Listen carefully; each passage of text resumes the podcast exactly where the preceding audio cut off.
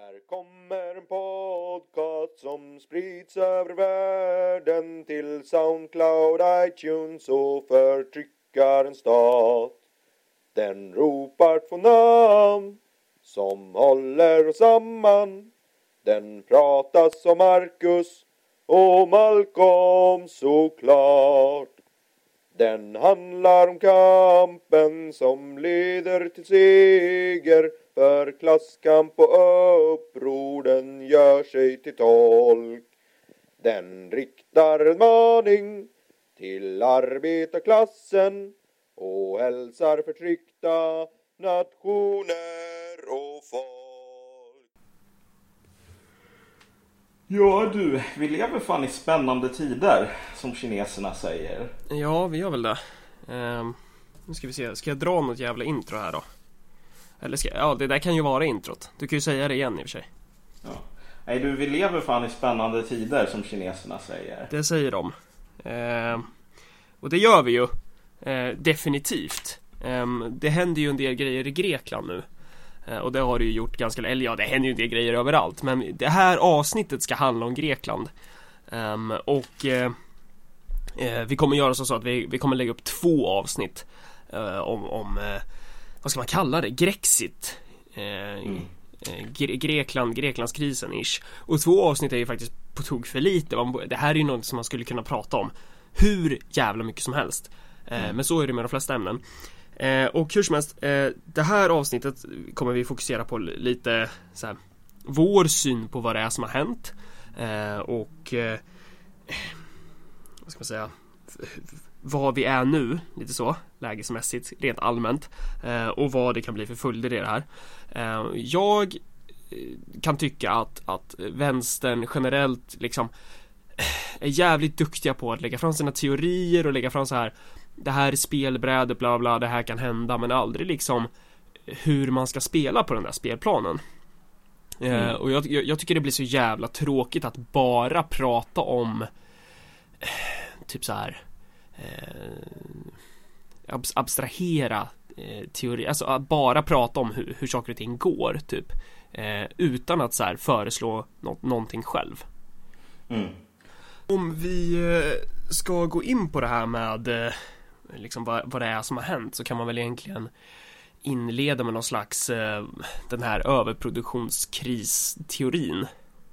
Så här, det, det, det är ju jävligt mycket snack om att typ Greklands kris är lata grekers fel och bla bla bla och det pratas mycket om Greklands kris men jag skulle nog mena på, eller vi skulle nog mena på att Greklands kris är inte bara Greklands kris. Mm. Eh, och det menar vi på grund utav typ det här.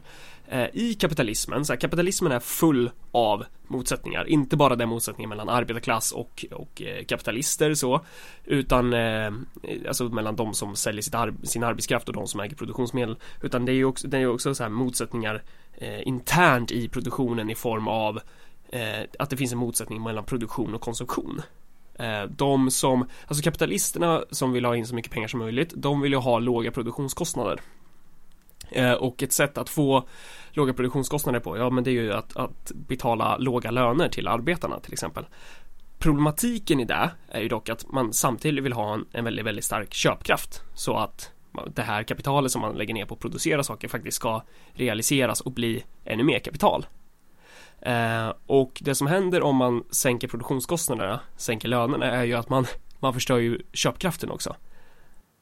Det är exakt det som har hänt i, när man talar om det här tyska miraklet till Ja. exempel. Baksidan på det tyska miraklet är ju på många sätt eh, den grekiska krisen.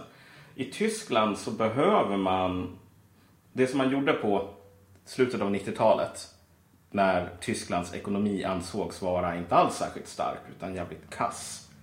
Eh, och så sa man så här, vet du vad? Om vi fryser lönerna och har den här handslaget, Löfvenska handslaget mellan arbete och kapital. Ja. Så att det blir inte massor med, massor med människor får inte sparken utan de får bara acceptera noll löneförhöjningar och så vidare. Eh, Så kan vi konkurrera med andra länder där man höjer lönerna och där produktionskostnaderna per liksom arbetad timme och så vidare fortfarande går upp. Och, och, en grej som är värd att lägga till här är väl att den, här motsättningen mellan just löner och eh, eller mellan produktion och konsumtion, det, det, går ju liksom inte att överkomma. Men sättet man tror sig kunna överkomma den kortsiktigt, vilket går, kortsiktigt går det att överkomma den, eh, är ju att liksom låna eh, låna sig till kapital som man ska kunna konsumera. Och i det här fallet då, om vi är inne på Tyskland och Grekland så så har ju Tyskland varit beroende av länder av andra länder som är beredda att låna till sig kapital för att kunna konsumera tyska produkter. Mm. Alltså den dagen som Tysklands exportsektor faller igenom är den dagen där eh, Tyskland hamnar i en sjukt allvarlig depression. Därför att alla människor som inte har fått en löneförhöjning på tio år är inte så jävla bra konsumenter. Alltså, den, den, den interna marknaden i Tyskland har varit livlös. Liksom mer än ett decennium vid det här laget. Uh, och de personerna som fortfarande har jobb med att tillverka saker har inte jobbat med att tillverka saker och tyskar överlag. Och slutar folk i resten av världen att köpa så uh, um, liksom det här är, man, man, liksom, Tyskland och Grekland är på ett sätt de här siamesiska tvillingarna som hatar varandra men du, du, kan liksom inte dela på de här utan att båda dör mer eller mindre. Du kan inte ta bort den här sortens liksom skuldberg idag utan, utan att tysk, tyskarna förr eller senare får illa. Och det är också så här det är inte direkt någon ny vågad analys att säga att anledningen till att tyskarna är så hårda eh, mot Grekland är för att man måste statuera ett så hemskt horribelt exempel som möjligt så att inte fransmän kommer på samma idé, vilket de redan har gjort. I slutändan så är det inte så himla viktigt egentligen i alla fall inte för det här avsnittet att skilja mellan typ bra moraliska skulder och dåliga skulder som man får om man är lat eller liknande. Utan det räcker egentligen med att säga att grekerna är inte ensamma om att ha skulder som alltså rent matematiskt omöjligen kan betalas tillbaks. Mm. Um, och hur man nu fick dem, inte så himla intressant, kanske för en filosof, men, men det leder till vissa konsekvenser. Ja, och grejen är att så här, det är ju inte bara Greklands skulder som, som är Alltså det, det, finns ju andra länder som också varit tvungna att låna till sig väldigt mycket kapital för att konsumera från de här länderna som, som pressar ner sina lönenivåer. Och, och som jag sa så är ju motsättningen är ju fortfarande kvar. Och när man inte kan lösa den här motsättningen då hamnar man i det som marxister kallar för överproduktionskris då man helt enkelt ja, man måste förstöra en massa kapital och det, det blir inte så jävla roligt. Mm. Um, men okej, okay, nu befinner vi oss i den här jävla situationen och eh, som sagt, vi tycker inte det är så intressant att gå in på huruvida det här är grekernas fel eller tyskarnas fel. Det är väl på något sätt systemets fel. Uh, och det är ju en sån, ett sånt tråkigt svar som kanske inte lämpar sig för uh, personer som gärna vill peka ut syndabockar liksom. Uh, oavsett om det är Hitler eller Hanne Kjöller. Men, men så är det.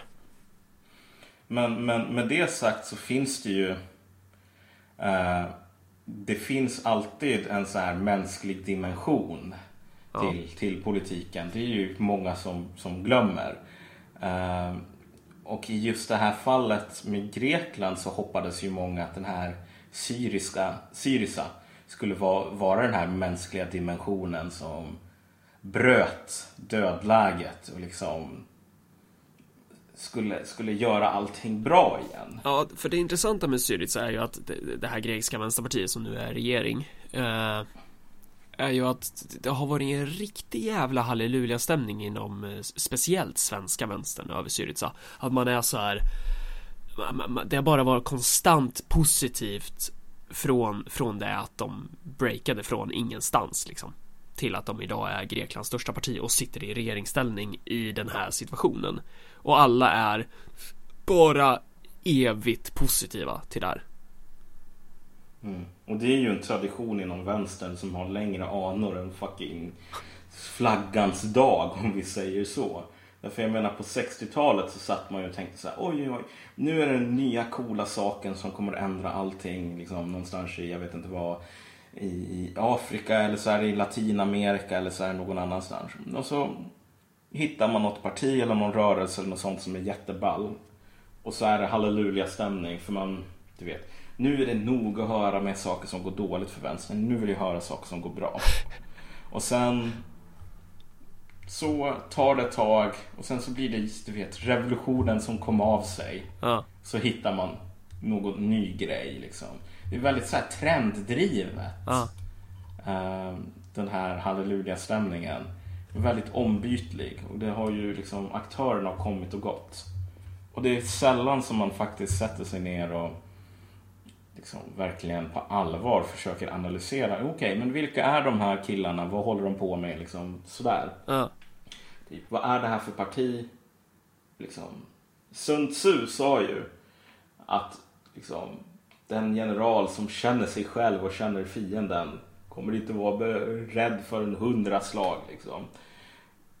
Men sällan är det ju att vänstern vill bry sig om att känna sig själv eller fienden. Eller knappt det.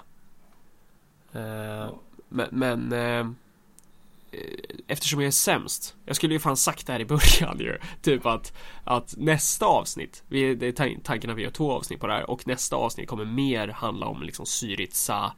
Eh, hur, hur man bör känna sig själv och hur man bör känna fienden. Typ så här Mm. mer konkret. Vad bör göras? I nästa avsnitt så kommer vi att tala om krigskonst. Krigskonst. Från de två stora Ja. profeterna Marcus och Malcolm. Som vet och kan allt. I det, här, I det här avsnittet så kommer vi att tala om slaget vid Verdun, liksom vad som gick fel där typ. Ja, Men det blir stor strategi nästa gång helt enkelt. nu ska vi... Krig är ju politik med andra medel, eller hur var det nu? Ja men Som precis. Clausewitz sa. Är inte det Mao?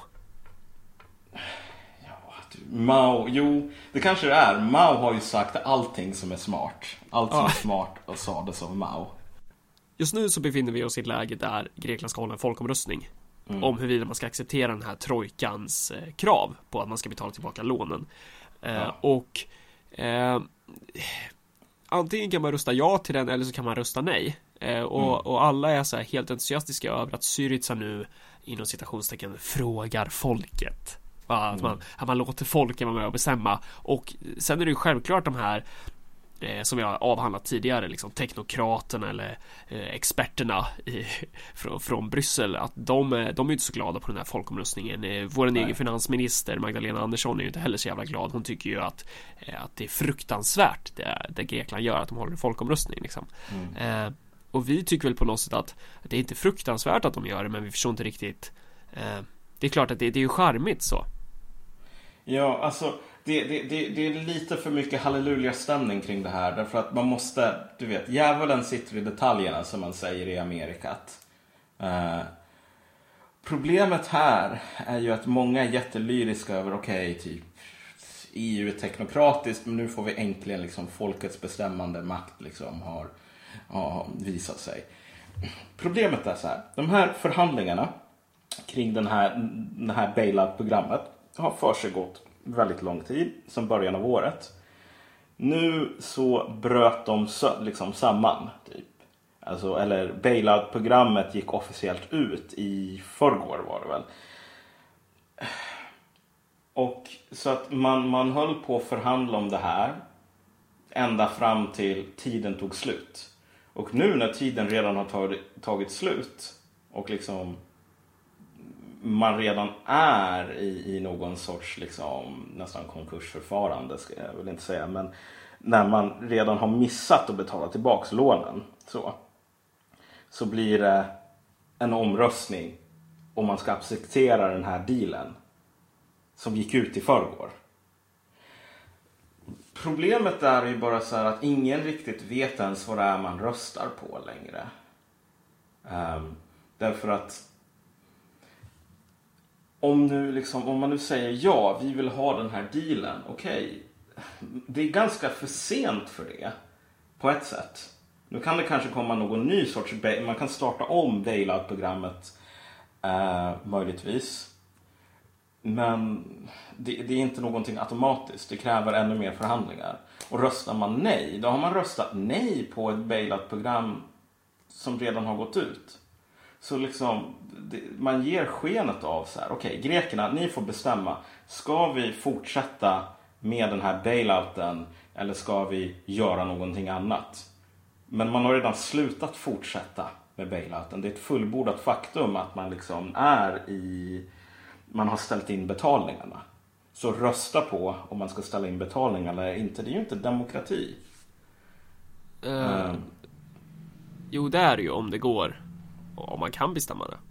Jo, men precis. Men, men man kan ju inte det. Så det här, man, man säljer folk grisen i säcken på ett sätt. Och anledningen till att man gör det är så här. Om jag ska ta ett sånt här liksom löjlig anekdot. Om jag käkar upp all glass som familjen ska äta till efterrätt. Om jag sen försöker få till stånd en omröstning på om vi ska ha glass till efterrätt eller om vi ska vara mer hälsosamma än så. Så är ju rent praktiskt den enda anledningen till att jag har att ge folk det valet att jag hoppas att de ska säga nej, vi ska inte äta glass. Därför att, så att jag har ryggen fri så jag kan säga, ja gud vilken tur idag. Därför att om ni hade sagt ja så skulle jag vara tvungen att komma med dåliga nyheter. Det finns ingen längre. Um, och hamnar man i en sån situation så behöver inte alls det vara ett liksom, tecken på att här har vi liksom, så här, demokratins triumf. Utan det är ju snarare ett tecken på att man har en strategi kring, som har, har liksom misslyckats. Ja, men det, det är väl också ett, ett, ett så exempel på att det man vill göra med den här folkomröstningen är ju inte det är ju inte det som, som vänster typ, det jag måste snyta mig snart, men det är inte det som vänster tror att det handlar om, utan det är mer så här Nej. att det är ett sätt att försöka lura, alltså lura, försöka, försöka få med sig folk på. Det är, det är ett sånt strategiskt eh, Eh, alltså liksom, jag hittar inte ordet riktigt. Att man, att man folkomröst... Ett indiantrick. Ja, folkomröstningen är ett indiantrick. Eh, som, som är bara att försöka få med sig människor på för sin linje. Som redan mm. är klar i princip. Ja, precis. Så att det handlar ju inte om att låta folk bestämma. Jag vet inte, är det ens värt att eh, ta upp det här? Jag, jag kan tycka att det är ganska uppenbart liksom. Mm. Men, men eh, sen är inte jag emot folkomröstningar och jag är absolut inte emot att folk ska bestämma. Tvärtom, det är det jag tycker att man bör göra. Men ja. eh, i det här fallet så är det inte riktigt det det handlar om. Nej, alltså man gör sig själv en jävla otjänst om man hyllar det här som liksom någon stor seger. Liksom. Därför att i slutändan så är det inte en seger. I slutändan så är folkomröstningen ett tecken på ett misslyckande. Ja, det, det är ett rent desperat drag. Ja, och om du ser till liksom så här vad fan, vad är det som har stått i tidningarna nu? I en sekund så är det så här, okej okay, nu ska vi ha folkomröstning och sen bara, vet du vad, vi kanske inte har en folkomröstning ändå. Om ni ger oss en bra deal, kanske. Och sen bara, nej vi ska nog ändå ha en folkomröstning. Den sortens velande visar för mig inte någon så här demokratisk triumf. Utan det visar att man är livrädd därför att man har målat in sig själv i ett hörn. Och Tsipras ska tydligen ha kritiserat Papandreou, tidigare statsministern, för att han ville ha, ha en folkomröstning. Tyckte att det var någonting ganska fegt därför att liksom, vad som man borde ha gjort i den situationen är ju du vet, att ta ett beslut och sen hålla fast vid det här beslutet. Ansvara för det, inte försöka skjuta över bördan på någon annan. Därför att om nu grekiska folket röstar nej så kan man väl säga så här. Anledningen till att Syriza har haft den här folkomröstningen är för att de ska kunna säga, vet du vad? Det var det grekiska folket som fattade beslutet att vi skulle ställa in betalningarna här. Men det är inte det. Det är Syriza som har fattat det beslutet i, i sitt handlande. Och nu försöker se till så att de inte sitter på svarta petter sen när man ska avgöra vems fel det är allting. Och, det, och jag, jag vill liksom inte kritisera det draget så. Eh, utan jag tycker bara det är viktigt att poängtera att det är kanske inte nödvändigt, alltså så här, vad det är liksom. Mm, eh, eller som man säger i Närke, det är det som är det. Mm. Men det är inte det som är det. Mm. Så, som man förstår. Eh, som främmande snarar. Gör soldaterna klara? Ledarna tvekar och faller. De faller. Bovarna ska skakas i skallor. Kärlekssoldater kom vi snart, våra kravaller kom. Ledarna tvekar, vi anfaller. Men, men okej, men då är vi inne på lite så här. Ja, man, man man ska inte vela liksom. Nej men precis. Ska du, Vet. ska du slå någon på käften? eh, Slå inte med någon slags fem fingrar åt olika håll. Det blir skitdåligt. Slå med knuten näve. Ja, som Heinz Guderian sa. Jag tror det var typ Klotzen nisch, klocken eller någonting. Typ. Alltså bara slå med en knuten näve, inte med en öppen hand. Typ. Det, det, det var hans approach till krig. Och det är ju en ganska bra, det är en ganska bra princip överlag. Eh, speciellt när det gäller politik, speciellt när det gäller beslutsfattande överlag. Vet, ta ett beslut, ha en strategi och håll dig till den med någon sorts beslutsamhet. Och det är det som egentligen Syriza har misslyckats med på många sätt. Verkar det som i alla fall. Ja, jo men det verkar så. Um, därför att Syrizas idé var mer eller mindre så här. Det, det var ju ganska, den låg ganska nära det som vi sa liksom från början. Det här med att okay, Greklands kris är på ett sätt redan Tysklands kris. Det är bara att tyskarna låtsas inte om det. Och att typ när de skadar oss så skadar de sig själva. Men det finns en bättre väg där kanske ingen behöver bli lika skadad. Liksom. Eh, och så hoppas de att de skulle liksom kunna få igenom det här i, i någon sorts tro på att ekonomi och politik är inte samma sak. Men det är alltid. Ekonomi och politik är alltid samma sak. Du kan inte säga men den här, den här, det här ekonomiska beslutet är dumt. Det är inte rationellt. Typ. Det är lite, ekonomiska beslut är ju alltid politiska. Så. Ehm, men de trodde på något sätt att de skulle kunna vädja till det bättre vetandet. Och nu när det visar sig att trojkan är elak och girig och inte lyssnar så försöker man nästan guilt-trippa dem. Typ så här. Men hallå, vi har ju, om ni bara lyssnade på oss så skulle vi kunna rädda kapitalismen liksom. Mer än vad ni gör. Förstår ni inte att det här är bättre för er? Och det är det ju inte heller. Alltså, Det kanske det är, men det spelar egentligen ingen roll. Jag menar, om du som vänsterparti måste förlita dig på liksom så här. Eh, du kan aldrig inom politiken förlita dig på att din fiende ska göra ditt jobb åt dig om nej. säger så. Man kan inte guilt-trippa sig till seger. Nej. Det, fu- det funkar inte så i politiken i alla fall. Det kanske funkar så i Ung Vänster, men in, Nej, i, inte precis. i politiken och det är två helt olika saker. Och, och om det är så att Syriza har rätt och att deras lösningar skulle vara bättre för kapitalisten, kapitalismen än kapitalisterna själva. Jaha, vad fan spelar det för roll egentligen? Om kapitalisterna vill förstöra allting liksom. Det är fan deras rätt att göra. Det enda som du kan göra det är ju att dra dina egna drag, ha din egen strategi och så vidare. Ehm, du, du, har ingen, du har egentligen ingen moraliskt övertag att hålla på och säga liksom. Men det visade sig liksom att den här strategin att försöka förhandla, att försöka få till en bättre, eh, vad ska man säga, dra på stora växlar och få till en bättre kapitalism även för alla. För greker, för tyskar, för alla. Det, det, det gick inte. Men man, hade, man har ingen plan B. Och det, och, det, och det går ju inte för att man har gjort fel. Eller så, utan det går ju inte för att det går aldrig. Det går aldrig. Det, det är därför det inte går. För att, för att du har det var den en här. felaktig strategi, inte en felaktig liksom så här att man Nej, nej men alltså det är väl det som är poängen. Just att, att så här. Eh, oavsett vad man hade gjort.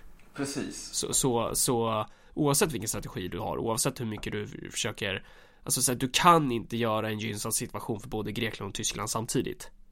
För att det är just det som är hela poängen att att den här situationen består i det är någonting djupare än någon slags guilt-tripping moralism. Det ligger i det kapitalistiska, kapitalistiska systemet som sådant. Ja, och det ligger också i liksom de politiska realiteterna som man måste brottas med i Tyskland. Så här. Även om Angela Merkel vill liksom rädda Grekland, eller vad man nu ska säga. Så precis som Syriza så har ju hon sitt parti med olika faktioner. eh, måste typ sälja sin politik på hemmaplan. Och det kan vara så att det är helt omöjligt att få igenom, alltså precis som det är omöjligt för Syriza tydligen, att säga så här, nej vi ska gå ut ur EU, eh, EMU. Liksom. Alltså okej, vi vet att 80% av Grekland vill vara kvar i EMU, men alltså vad fan det här går inte, vi hoppar av. Om de säger nej, vi kan inte säga så på grund av den politiska realiteten. Då måste man vara beredd att inse att, jo, vet du vad, det finns politiska realiteter i Tyskland också. Så, som kan blockera olika vägar på precis samma sätt. Ehm, så att den här strategin med liksom att förhandla och få till en bättre deal för alla var den var hopplöst naiv skulle jag nog säga. Den var hopplöst naiv för att den berodde på en syn där politik inte finns. Där alla bara tänker så här, okej, ekonomin, hur programmerar vi videon? Det är bara så här. När du har programmerat videon så kan alla sätta sig i soffan och titta. Det finns inga inbyggda motsättningar. Alla vill samma sak. Så funkar politik, ekonomi, politisk ekonomi aldrig. Så där var väl det första misstaget.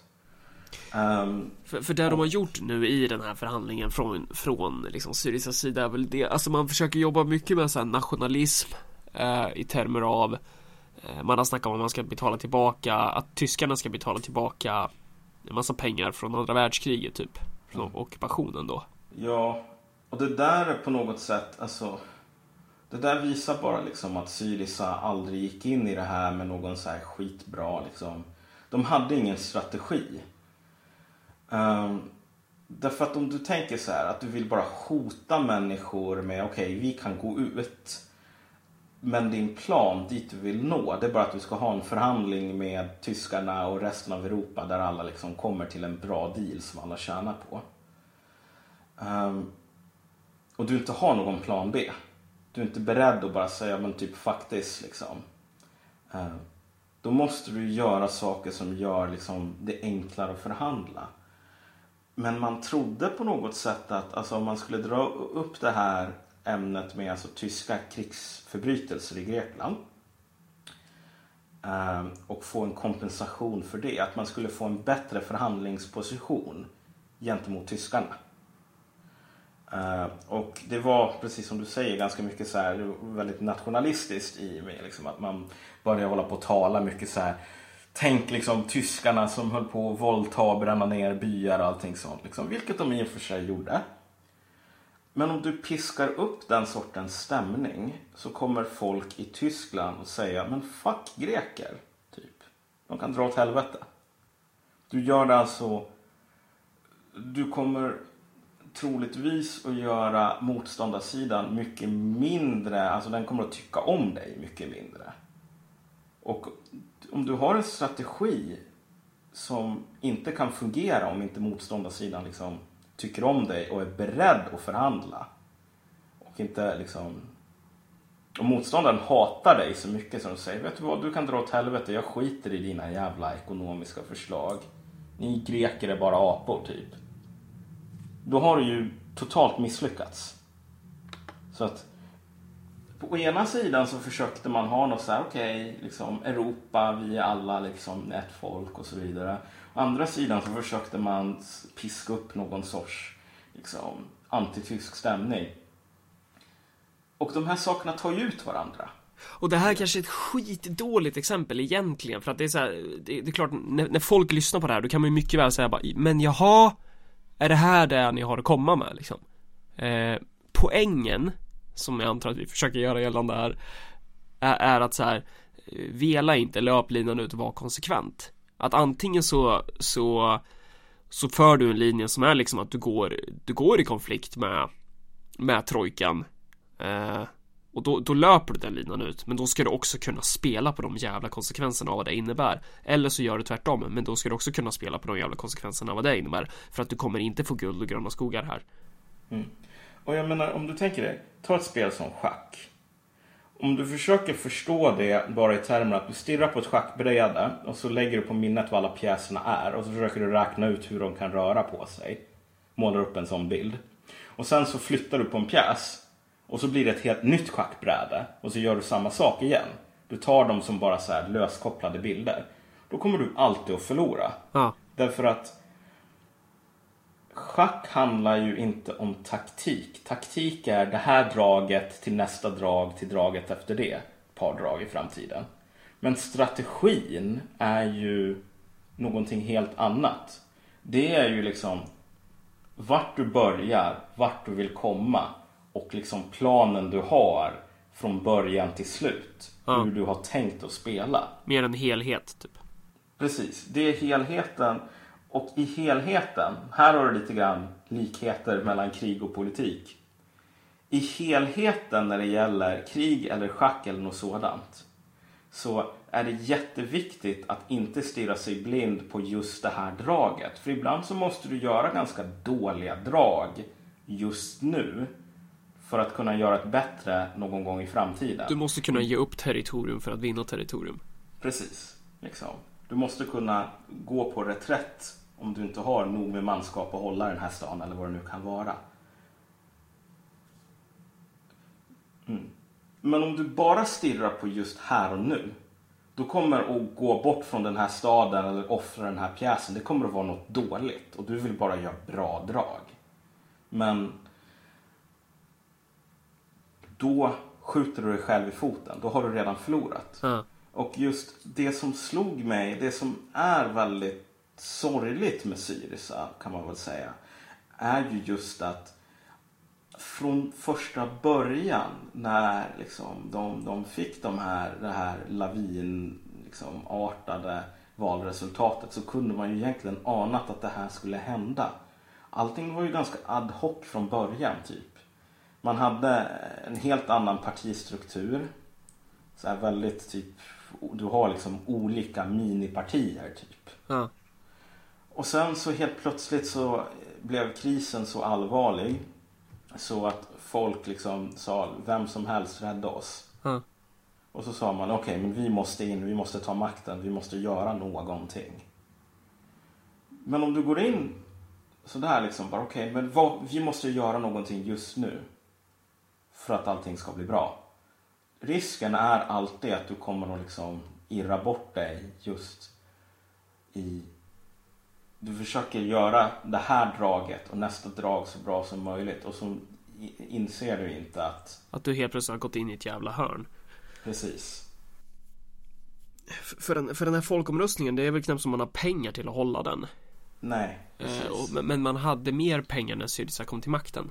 ja Vilket betyder att man skulle i princip, rent teoretiskt då, då eh, i alla fall eh, sett garanterat så att man kunde betalat ut pensioner och vissa väldigt nödvändiga utgifter innan när man, man eh, bestämde sig för att eh, dissa trojkan liksom. och det som hände i det var väl i förrgår tror jag den 30 eh, fan, jag har ingen aning om vilken dag det här ens Eh, Hur det, är, det är andra juli idag. Ja men det var det i förrgår. Det som hände då var ju bara så här. Man sa till IMF. Sorry, vi är panka. Vi har inga pengar. Vi kan inte betala det här lånet. Vilket gör att man liksom betalningsinställelse. Men precis som du sa nu. Nyss så. Man gör det i en situation när man har inga pengar kvar alls. Ja. Om det var oundvikligt att du skulle hamna i situationen där du är tvungen att säga Vet du vad, vi kommer inte betala det här lånet, sorry. Om du hade gjort det för fem månader sedan så skulle man inte ha liksom, för mellan fem månader sedan och nu så har man typ länsat alla kommuner, man har tagit från typ pensionsfonder, alltså man har tagit pengar från pensionärerna Ja. för att skicka till IMF. Och sen är man ändå i samma situation.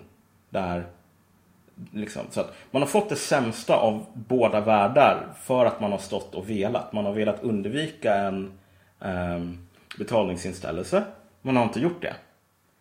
Men man har inte fått de här liksom, positiva, man har inte den här säkerhetsmarginalen som man skulle ha haft om man faktiskt sa okej, vi kan inte undvika den här betalningsinställelsen. Men- så men- vi men- gör det bästa av situationen.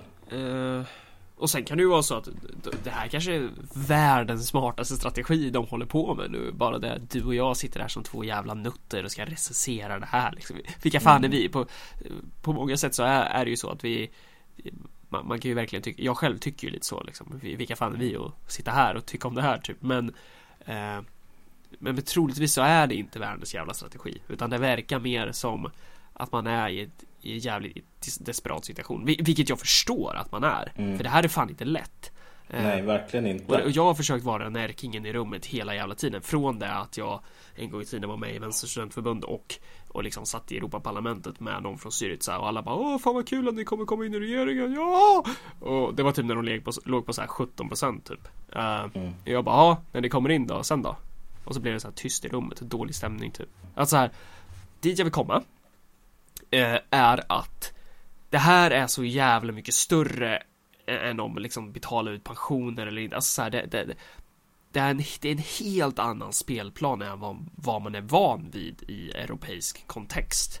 Det som vi har att göra med. Alltså följderna av eh, det här, oavsett om man väljer att betala pengar till trojkan eller om man skiter i det, det kommer bli katastrof oavsett.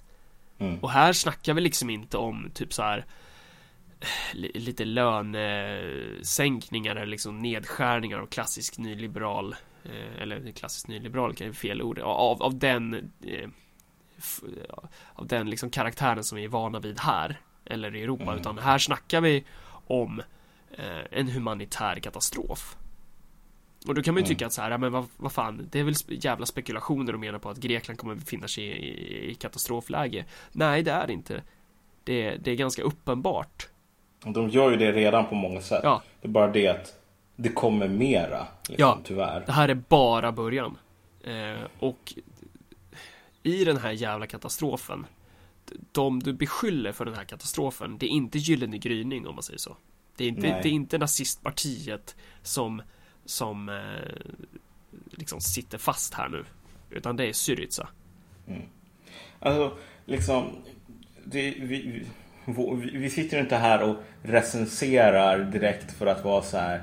Typ, alla andra är dåliga som inte är från typ Uppsala. Eh, eller Närke. Eh, utan när Syriza tog axlar det här ansvaret så sa de okej, vi är inte redo men liksom det är så himla viktigt. Liksom, det här är en riktigt allvarlig situation. Det vore oansvarigt att eh, stå här och vela när greker lider.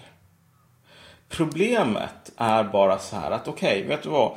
Om du säger att situationen är allvarlig och människor lider. Ehm, då, om du tar på dig det ansvaret. Då måste du också ta på dig ansvaret för att liksom det du gör inte förvärrar situationen till exempel. Alltså att just situationens allvar gör att, vad ska man säga, de strategiska allvar, liksom. Mm. Jag, kan ta ett exempel bara. Typ, inga människor, de flesta generaler till och med i krig, tycker inte om soldater som dör. Alltså, du måste vara liksom psykopat för att vilja att så många ska dö som möjligt. Men om du är en general och är i ett rättvist krig där mot, jag vet inte, mot aliens eller någonting som, som, som är elaka och du ska se till så att så många människor överlever. Då måste du, så som krig funkar, för att behandla din, din, din, din ansats till att rädda liv på allvar så måste du vara beredd att skicka folk att dö. Just för att om du säger okej, eh, liksom, jag- vill inte att någon dör. Då kommer ännu fler att dö. Än om du liksom, du, en strategi här eh, som liksom minimerar förlusten av liv kommer ändå inkludera att du liksom gör svåra val där vissa människor dör för att andra inte ska göra det. Fler människor kommer ju dö. Om, om du har en sån strategi. Om att du ska rädda liv. Ja, precis. Om du säger så här, vet du vad? Ingen ska slåss liksom. Nej. Slåss, det är fel. Då kommer fler att dö, precis. Någonting händer Det är något stort på gång med våra vänner Det är Marcus och Malcolms och det är lite den principen det handlar om att så här, nu är vi i jävla katastrofläge och vi, vi kan väl gå igenom lite så här, alltså, det, nu hamnar vi i den här jävla spekulationscirkeln på, på många sätt och på, på få sätt kanske inte men, men så här, det finns ju det finns ju jävla massa scenarion som kan inträffa nu liksom eh, och det är väl det första är, väl att så här, ja, man, man, man, man betalar de här lånen eh, till eh, på, på något jävla sätt till, eh, till, till trojkan så.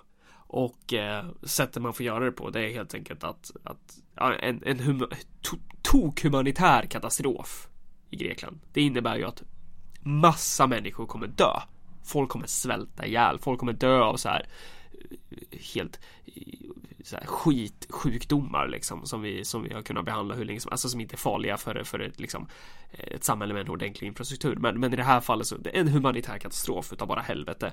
Eh, och det kanske implementeras på, jag vet inte hur man ska kunna implementera det annat än att liksom tillsätta någon slags expert eller diktator eller vad man nu ska kalla det.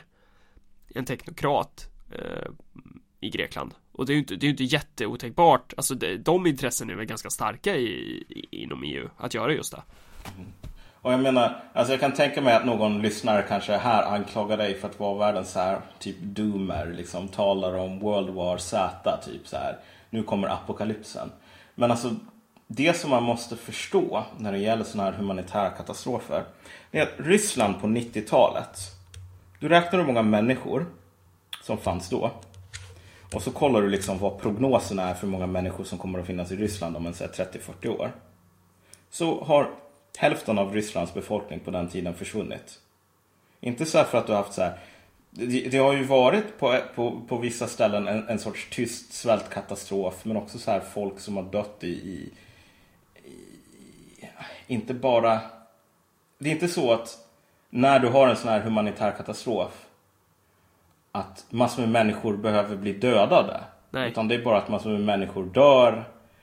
Det är, inte, det är inte själva dödandet som är, som är det stora problemet egentligen. Det, dödandet är en konsekvens av det, men, men det stora problemet är väl snarare att människor förlorar meningen med sina liv. Precis, så att liksom, du vet, folk kanske inte svält, skulle svälta ihjäl under normala omständigheter. Men vad är det som har hänt i Ryssland sedan 90-talet under Ja. liksom så här, riktiga humanitära kriser? Vad är det som du ser då? Liksom, du ser människor som typ dränker sig själva i alkohol eller börjar med någon så här typ ful heroin eller något sådant. Krakadilje. Ja, precis. Alltså, du vet. Människor som blir som de här eller de- deprimerade elefanterna på zoo som försöker ta självmord. Liksom. Ja. Ehm, och man kan ge bara en sak som kommer att hända nu. ehm, med det grekiska banksystemet. Alltså det är eh, eh, det här är liksom 90% säkert åtminstone. Det är att man kommer att använda en så kallad bail-in. För de här bankerna är redan insolventa. Vilket betyder vad då? Ehm, Kortfattat. Ja, alltså när du har pengar på banken så har du alltså Banken har en skuld till dig. Ja. Eh, när banken är insolvent så betyder det att den kan inte betala alla skulder. Nej. Ja, ehm, det, det som man gör här helt enkelt är att man gör en, alltså, typ pengar på ett konto existerar ju inte i, i fysisk form oftast. Liksom. Utan det som man säger så här, okej. du satte in ditt livs besparingar här på den här banken. Och vi har alltså en, en, en, en, en mot, du har en fordran på oss. Men vi har inte pengar nog att betala tillbaks den. Så det som du kommer att behöva göra det är att du satte in 300 000 kronor. Vi kommer att betala dig 10 000 kronor av de här. Resten, de finns inte längre. Uh, så att det är alltså... Jag tror att alltså... Eh, om vi bara bollar med någon sorts siffra, pengar som kan gå förlorade. I värsta fall så kan det bli att alltså insättningarna som det grekiska folket har, liksom, kanske uppemot 50% försvinner. Tänk dig själv det. Alltså, det här är dina pengar, upplever du. Dina pengar som du kanske betalar liksom, jag vet inte vad skulle betala skulder med eller sjukhusräkningar eller något sådant, köpa ett hus, jag vet inte vad. Och så finns de inte längre. Ehm, Den situationen kommer vi hamna i. ja, precis. Alltså det, det, det är mer eller mindre garanterat vid det här laget. Och då, och då är det ju Alltså, och där hamnar vi ju lite oavsett men, men så här eh, Jag snackar om det här med att acceptera EUs lån Ett annat är ju att inte göra det Mm. eh, Och det är ju en jävla Vad, innebär det liksom? Alltså det är så himla svårt att säga. Ingen vet ju ens vad det är man röstar på den här folkomröstningen. Därför att Nej men om, om vi säger att man skulle Alltså att, att man helt enkelt inte Man gör inte som trojkan vill Alltså, vad, alltså om, om man ska Om man ska försöka förklara vad en sån konsekvens skulle innebära Mm. Alltså hur, hur skulle spelfältet se ut att bedriva politik på då? Ja, du vet, du blev, du blev ju länkad den här Trotta-artikeln som är att nu är det dags för järva socialister att ockupera fabrikerna Ja. och du vet det där. Fy fan vad jag skrattade gott när jag läste den. Det, kommer inte att bli så. Alltså, Grekland är ju ett land som är väldigt beroende av importer. Ehm, och en av deras stora exportvaror är alltså eh, oljeprodukter. Eh, Grekland har ingen olja själv så de importerar olja och så har de så här, eh, du vet, raffiner, vad, det nu kallas, såna här terminaler. Ja, Ja. precis. Eh, där de förädlar den här oljan och exporterar den. Men om du ställer in betalningarna helt. Du kommer i och för sig kunna betala din egen befolkning typ pengar. Ja. Det är bara det att de här pengarna kommer antagligen inte gå att användas utanför landets gränser. Så. Eh, Du kommer inte kunna importera saker därför att ingen kommer att vara beredd att acceptera de här pa- värdelösa papperslapparna. Som, som, som du har att erbjuda. I utbyte mot olja, smör, bröd, bilar, alla de där sakerna som folk behöver för att inte svälta ihjäl, för att ha någon sorts normal, dräglig livssituation. Liksom. Mediciner, allting sånt där. Kommer vara otroligt svårt att få tag på. Um, och till det så kan man ju tillägga eh, eh, en annan aspekt av problemet. Vilket är att i Grekland så finns det ingen särskilt utvecklad liksom, stat som har möjligheten att styra upp någon sorts, jag vet inte vad, ransonering till exempel. Det är ju en sak som så här, ransonering, någon sorts kommandoekonomi. Någonting som stater normalt brukar använda sig av i den här sortens krissituationer. Men om du inte har kapaciteten att få något sådant att fungera. Du har, du har ju knappt råd att kunna hålla en folkomröstning liksom. Nej, precis. Det är ju inte säkert att man har pengar nog till det idag. Liksom. Så att, alltså, man har ett så otroligt dåligt läge förhandlingsmässigt. Men förhandlingarna har gått så långt så att liksom, vad har du för övertag över liksom, Tyskland, över trojkan? Gissningsvis så, jag, jag tror så här. Det har skickats ganska många signaler nu om att liksom man från Syrias håll är ganska desperata för att få någon sorts deal överhuvudtaget. Så det kommer nog att bli någon sorts deal överhuvudtaget. Men den dealen kommer att vara sämre än... Liksom, det är möjligt att den faktiskt blir sämre än om du typ Hade accepterat ursprungsdealen eller vadå? Ja, precis. Om du hade lagt dig platt på marken för en fem månader sedan och sa vi gör vad ni än vill. Och accepterar man inte en deal då får man helt enkelt spela efter de här förutsättningarna som är katastrof liksom. Ja, precis. Ett tredje scenario som, som det har skrivits lite om är ju att, att den där stora farliga Vladimir Putin ryssen eh, att, att ryssen kommer gå in och, eh, och helt enkelt hjälpa Grekland. Eh, och det skulle väl i sin tur också få en del konsekvenser kan man tänka. Eh, väldigt, alltså rent geopolitiskt. Eh, för att jag menar så här, ja, grekerna skulle väl vara rätt glada över om Putin gjorde det såklart. Ja, alltså, ryssarna är så otroligt cyniska. Man måste ju nästan respektera dem för det i alla fall. Ja, liksom. för, för grejen är det så här, Ryssland är ju inte eh, vän med någon. Alltså Ryssland är, det, det är ju precis som USA eller EU liksom. Alltså det funkar på samma sätt att så här i politiken så är du inte vän med någon av känslomässiga orsaker eller för att du ska vara schysst eller så här. Vi, ja, vi hjälper Grekland för att vi ser att ni lider. Bara, va? Det är ingen som bryr sig om det typ. Utan de gör ju det av rent strategiska anledningar. De får ju vasallstat liksom. Mm. Men det som är, folk tycker är så himla eh, olustigt med Ryssland är ju att alltså, i USA när man invaderar typ Irak, då gör man det för alla människors frihet. Typ. När man i Ryssland invaderar Georgien så säger man det för att ni ska hålla käften och sätta er ner mer eller mindre. Eller okej, man säger någon gång att jo men det här är för säkerhet och stabilitet. Men alltså det, man tror inte på det själv, vilket man gör i USA. så.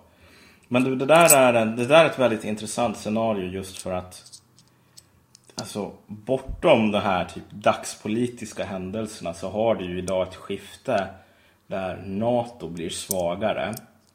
G, G, G7, G20 och alla de här.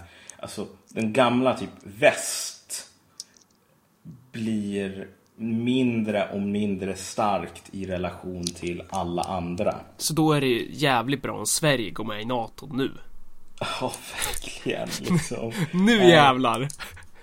Nej, det känns verkligen så här. Det är liksom komma till partyt efter liksom bålen redan är uppdrucken och typ Folk det är slagsmål. Ja. Piketbussen kommer och stormar liksom sådär. Häller ut den sista smuggelvodkan. Ja, jo precis. Alltså, det är, nej, det är inte bra. Men det där är nästan ett eget avsnitt. Men, men poängen är bara så här att det som det, det snacket som det har varit med Ryssland är ju den här pipelinen som de ska bygga. Att, att de skulle liksom få någon sorts förskott på det. Det är det första liksom. Uh, och de kan ju få en hel del pengar från Ryssland med den tydligen. Så. Men det är möjligt att ryssarna bara alltså, använder det här för att sticka fingret i ögat på Europa. Och att det inte är seriösa planer som man har på den här pipelinen. För det finns lite olika förslag och så. Det, spe- det, det, det, är inte så jävla intressant de detaljerna. Men den andra grejen som är att det är inte bara Ryssland. Utan Ryssland är ju typ juniorpartnern till Kina idag. Så. Ryssar och kineser har hatat varandra ett par hundra år i det här laget. Liksom. Ehm, och Sovjet och kommunistkina avskydde varandra ännu mer. De gick ut i krig med varandra vid en tidpunkt till och med. Och det är bara för att USA och eh, liksom har haft en strategi som är att vi ska trycka ner både Ryssland och Kina i skorna som de här två har lyckats gräva ner stridsyxan. Men just eftersom Ryssland är liksom juniorpartner, liksom är Storbritannien till Kinas USA, för att använda den liknelsen, så det som man har talat om är att inlämna Grekland i den här BRICS-banken. Liksom, att Grekland skulle gå med i den här banken för typ utvecklingsländer. Och där så skulle man ju kanske få en hel del hjälp på bättre villkor än från IMF och så. Inte för att de här människorna är jävligt snälla och moraliska utan för att de ser det här som en användbar spelbricka som man kan få över på sin sida och använda liksom i kampen mot typ IMF, G7 och så vidare. Så det är det första. Men om nu Grekland lämnar liksom väst eller man nu, hur man nu snackar så kommer det här att leda till ganska mycket instabilitet och ganska mycket så här vapenskrammel. Så.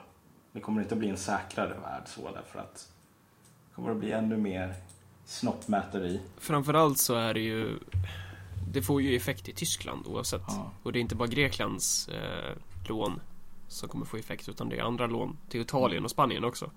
Och andra länder som man har lånat ut till. Eh, så, Och det är väl också det här man, man har pratat om att man ska sparka ut Grekland från EMU och, och EU ja, När de inte accepterar Trojkans lån. Och problemet med att göra det är väl att Då kommer andra se hur man blir behandlad på något sätt. Så att det, alltså det Då leder det till Det kan leda till någon slags eh, EUs eh, krackelering typ EMUs krackelering Alltså den här krisen, liksom, det, det som man måste förstå med EMU är att på många liksom, områden så finns det typ, det finns inga lagar. Nej. Du, liksom det här hotet med att vi kommer att sparka ut er ur EMU. Man har liksom inget stöd för att kunna komma ett sådant hot. Därför att det finns inget i författningarna som säger att du, du har rätten att sparka ut Vilket är fullkomligt eh, ointressant egentligen, vad, vad som står i lagen. Jag menar, du har väl läst juridik också? Ja, jo men precis. Ja. Jo men det har jag gjort. Och det man alltså- får lära sig är ju att lagen eh, det är ju bara skit som inte spelar någon roll egentligen. Så här, vill, har du kanonerna och du vill driva igenom någonting, då gör du ju det. Ja, men du måste alltid låtsas som att anledningen till att du står där med kanonerna är för att du har rätt. Ja, Om det är naket, öppet, att liksom okej, det finns ingen plan, det är den starkas rätt som gäller. då kommer, man, då, kommer, då kommer det bli som med Ryssland när de invaderar länder, att de inte gör det för frihetens skull. Ja, jo men precis. Och det är det som är det är det som är risken nu liksom när du om du öppet pissar på lagen, om du öppet säger så här jag gör vad jag vill. Ingen får klaga. Liksom, ut med Grekland, det spelar ingen roll att det liksom det inte finns någon lag som stödjer det här. Vi gör det för att vi är starka. Då skickar du signalen att till alla andra, till Italien, Spanien och så vidare. Att du kan bli behandlad på precis samma sätt. Någon kan bara komma på att nu ska vi trycka ner dig i skorna och vi behöver ingen anledning. Så. Vi kan göra vad vi vill därför att vi är starka och vi tycker inte om er längre. I ett sådant läge så kommer an, liksom, det är bara ett till skäl till att hoppa av EMU. Därför att du vet att jag menar typ, jag vet inte. Liksom, på ett plan, du har ju helt rätt liksom att det är de starkas rätt som gäller. Men om du tänker dig någon så här maffia, beskydda verksamhet. Sättet som de här, liksom, en bra maffiaboss agerar, trots att det här är en brottsling liksom. Måste ändå agera så här, okej vet du vad? Du betalar mig typ 100 000 i månaden eller någonting. Och jag garanterar dig att jag inte kommer att bränna ner din butik. En dålig maffiaboss säger så här, okej du har betalat mig de här beskydda pengarna, nu bränner jag ner din butik ändå. För jag, jag är stark och du är svag, haha. Liksom. För då kommer ingen vilja ha den där maffiabossen sen. Nej, precis. Nej. Liksom. Så, att, så till och med brottslingar måste ha någon sorts lag som de följer. På ett plan. Även om de skiter i lagen. Ja. Så det måste finnas någon sorts stabilitet, förutsägbarhet för att liksom... Och det är ju det som verkar hålla på att försvinna på ett sätt idag. I... Och, och, och för grejen är att du måste ju skrida till verket. För gör man ingenting, då blir det ju kris i Tyskland. Och den är ju i princip redan här. Det ligger och väntar. Krisen i Frankrike är redan här liksom. Och, och, och det är ju så här, allting hänger ju, alltså så här. De länderna som liberalerna beskyller Alltså så, man man skriker om greka, greka later, lata greker och man skriker om lata italienare och lata spanjorer och allting liksom. De här, det, det de glömmer bort är ju på något sätt att eh, det, det, är de, det är inte bara de som har tagit lånen. Det är inte bara de som är fucked utan det är framförallt de som har lånat ut. Vet du vem som, vet du vem som var, kom nästan mest lyrisk, mer lyrisk än vänstern? Tyckte att den här folkomröstningen var så himla vacker. Nej. Och ett så här skinande exempel. Marine Le Pen Ja, tyckte att det här var ett liksom, vackraste politiska initiativet på länge. Liksom. Ja. Så det visar ju på ett sätt alltså att hur jävla mycket skådespel det är eller vadå? Ja, på ett plan. Men det visar också att det finns ganska många som håller på och vässar sina kroksablar. Och liksom känner, se, känner att de ser liksom blodet i vattnet typ. Hos EU, EMU liksom. Att snart är det våran tur att sticka kniven i ryggen på den här liksom, unionen. Och när vi ändå är inne på, på honom så kan man väl också säga det, om inte redan gjort det. Eh, att, att så här. En, en, någonting som nästan är garanterat, det är väl att, att om Syriza inte får ordning på den här situationen, vilket är jävligt svårt.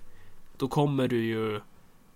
Alltså, så här, när Lenin vann så gjorde han det ju inte bara för att han var ett strategiskt och politiskt geni. Det var han. Eh, Han var, han var eh, så. Det, det kan man inte säga någonting om oavsett vad Nej. man tycker om honom. Hitler var också ett politiskt och strategiskt geni. Stalin också. Mao också.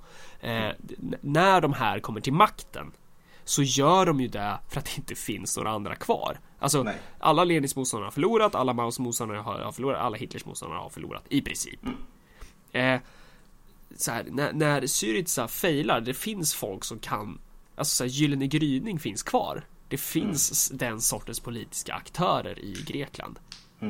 Eh, alltså, jag var ju på Marx 2013. Det var en sån här konferens eh, för marxister.